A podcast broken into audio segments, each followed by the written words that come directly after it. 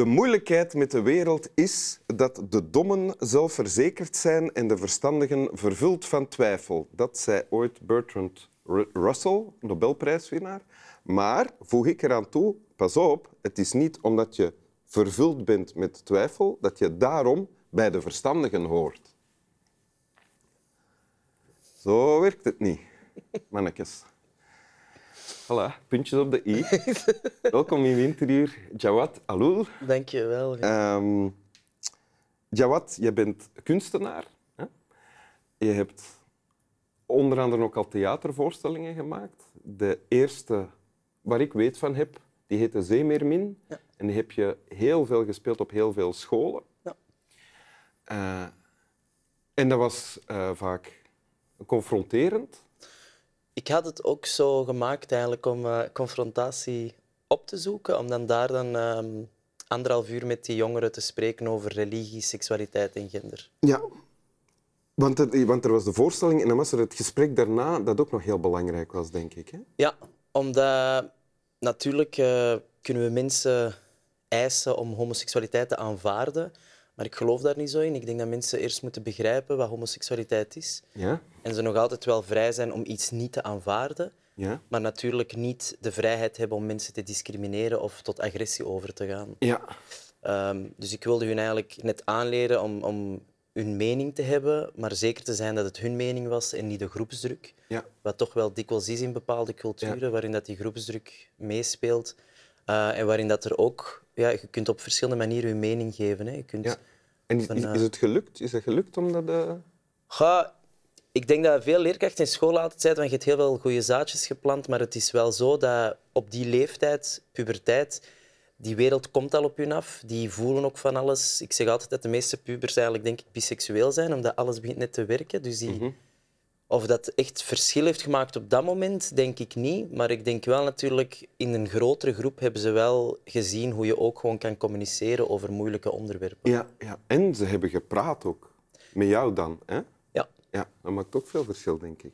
Ja, en ik denk ook natuurlijk, alleen al, ik bedoel, mij zien is, is al voor veel van die jongeren al confronterend, weten dat ik ook Marokkaan ben en islamitisch. Maar tegelijkertijd gaf het mij toch een deur of zo, omdat ik dezelfde cultuur heb, om daar wel een gesprek over te hebben ehm, en erin overeen te komen dat zij ook niet willen gediscrimineerd worden. Ja. Want we moeten ook niet vergeten dat dikwijls die jongeren ook wel het slachtoffer zijn van islamofobie in, in onze samenleving. En dat dat voor hun ook een soort reactie is van oké, ik word gediscrimineerd, dus ik ga ook discrimineren.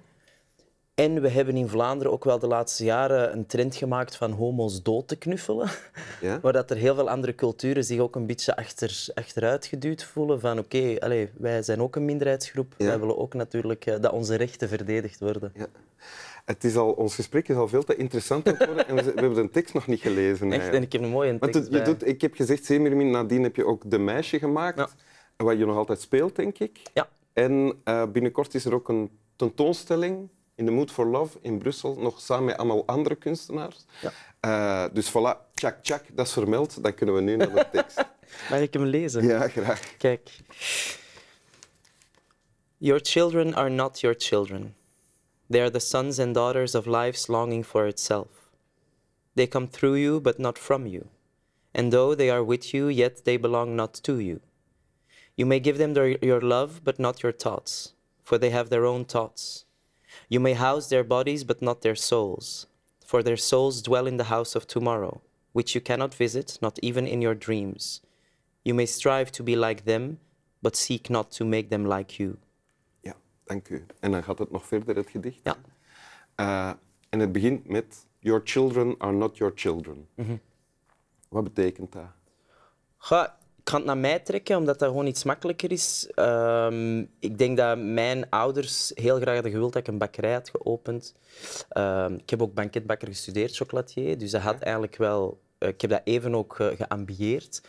Ehm, Je hebt geprobeerd om te geloven in de droom van je ouders. Zeker, zeker, natuurlijk. Maar ja, je kunt in veel geloven, maar zodanig geloven dat je hetero bent, terwijl je eigenlijk gewoon keihard een homo bent. Dat is ook mislukt. Je kunt dat proberen, maar dat, dat, dat, dat gaat toch tegen, tegen zich botsen of zo. Maar je kunt wel achteraf dan zeggen, ik heb echt mijn best gedaan. Maar ik denk dat mijn vader wel wist dat ik echt mijn best had gedaan. Ja. Maar ik denk dat dat soms de, de vloek is dat bij het ouderschap komt. Ehm, ik probeerde me altijd inbeelden als ik in, mijn, in de buik van ons moeder zat, zal die zeker ook wel gedacht hebben van hoe gaat dat kind worden? En dat kind gaat zo worden, die gaat zo'n ogen hebben en zo'n haar en die gaat die hobby's hebben. Ehm, en toen ik dat ontdekte, dit boek en dat gedicht, was dat voor mij heel duidelijk van ah, dat is eigenlijk alles wat ik eigenlijk ook al als kind dacht of zo. Van, ik mag mijn eigen gedachten hebben en ik mag anders naar de wereld kijken. Ehm, maar natuurlijk, Want het heeft wel strijd opgeleverd. Hè? zeker, ik heb Ja. negen jaar mijn familie niet gezien eigenlijk. Ja. Dus dat...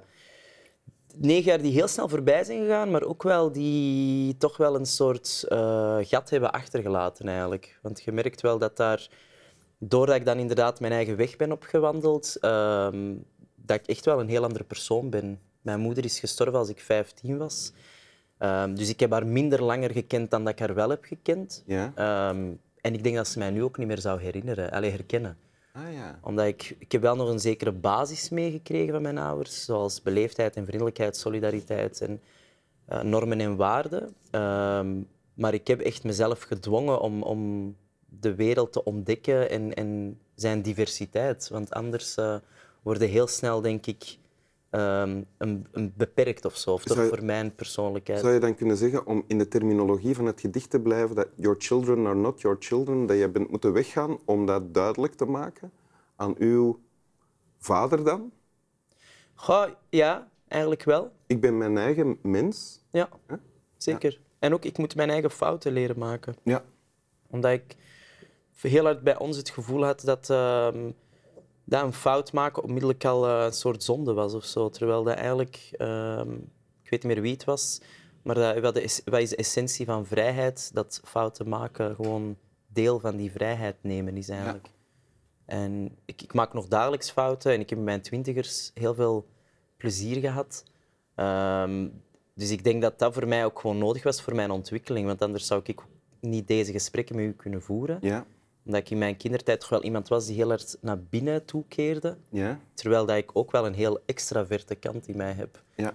Dus ik ben blij dat ik die, eh, dat ik die stap heb genomen om thuis te vertrekken. Wil je zelf graag kinderen?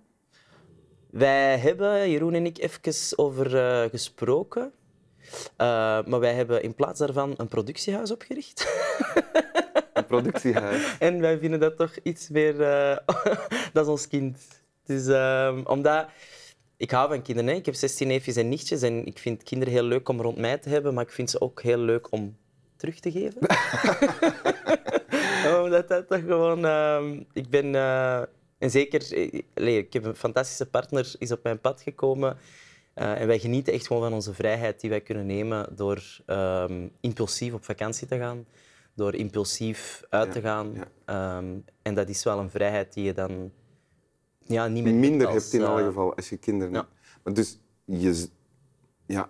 Ik vraag me even, is het iets, denk je hieraan, denk je dat veel meer mensen zich hiervan bewust zouden moeten zijn? Van de boodschap, uw kinderen zijn eigenlijk uw kinderen niet, dat zijn andere mensen. Goh, we Kunt die niet vormen naar hoe jij wilt dat ze zouden willen zijn? Ik denk dat, dat, allee, dat veel meer mensen dat moeten bewust van worden. Ik denk dat er nu wel al een beweging is van ouders. Conscious parenting heet eigenlijk. Ja. Eh, bewust ouderschap. Waarin dat je echt wel beseft dat eigenlijk het enige dat je als ouder moet doen, is zorgen dat dat kind veilig is. Ehm, en we zien dat dikwijls ouders die zo, ja, we hebben die al naar de voetbal gestuurd en naar de honkbal en nu naar de tennis en nu naar de dingen.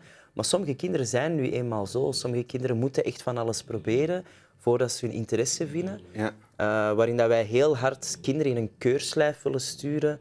ehm, vol Zeg, met... zeg je dat, als je dat ziet, zeg je daar dan iets van? Of, of, Goh, het is moeilijk natuurlijk om dat tegen ouders te zeggen. goh, ik zeg dat niet, omdat dat ook niet... Allee, dat is niet mijn verantwoordelijkheid, een beetje. En ik denk ook... Ik zou er ook niet tegen kunnen, moest iemand zeggen hoe dat ik mijn productiehuis moet runnen. Dan zou Nee? ik zeggen, van moet jij eens mee doen. Ah, want ik heb er wel een paar ideeën over, maar die hou ik dan voor mezelf.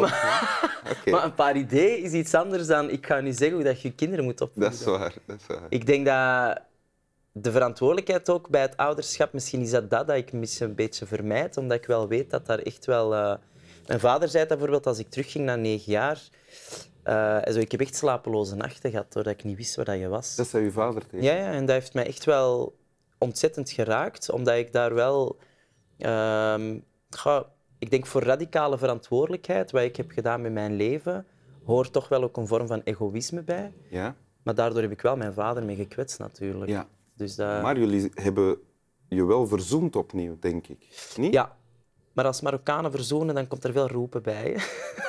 wij zijn passionele mensen. En hoe lang, hoe lang duurt dat, dat roepen? Goh, wij hebben drie jaar toch echt ehm, altijd moeten kalibreren, was dat eerder. Omdat hij zag mij nog als het kind, ehm, waarin ik hem gewoon zag als de ouder die mij Ja. tot mijn 18 jaar heeft eh, deze wereld helpen begrijpen.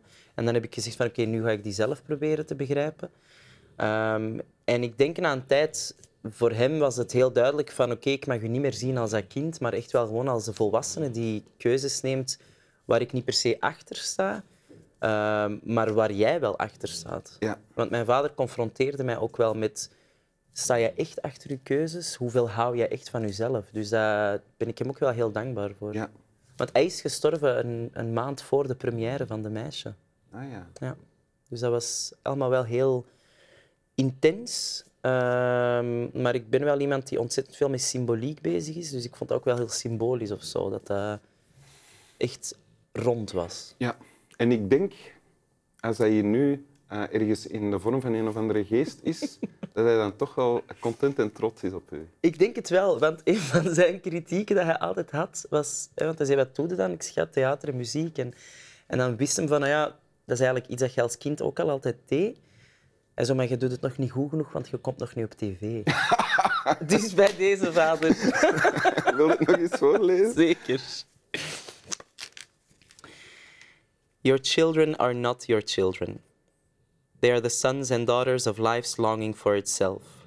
They come through you, but not from you. And though they are with you, yet they belong not to you.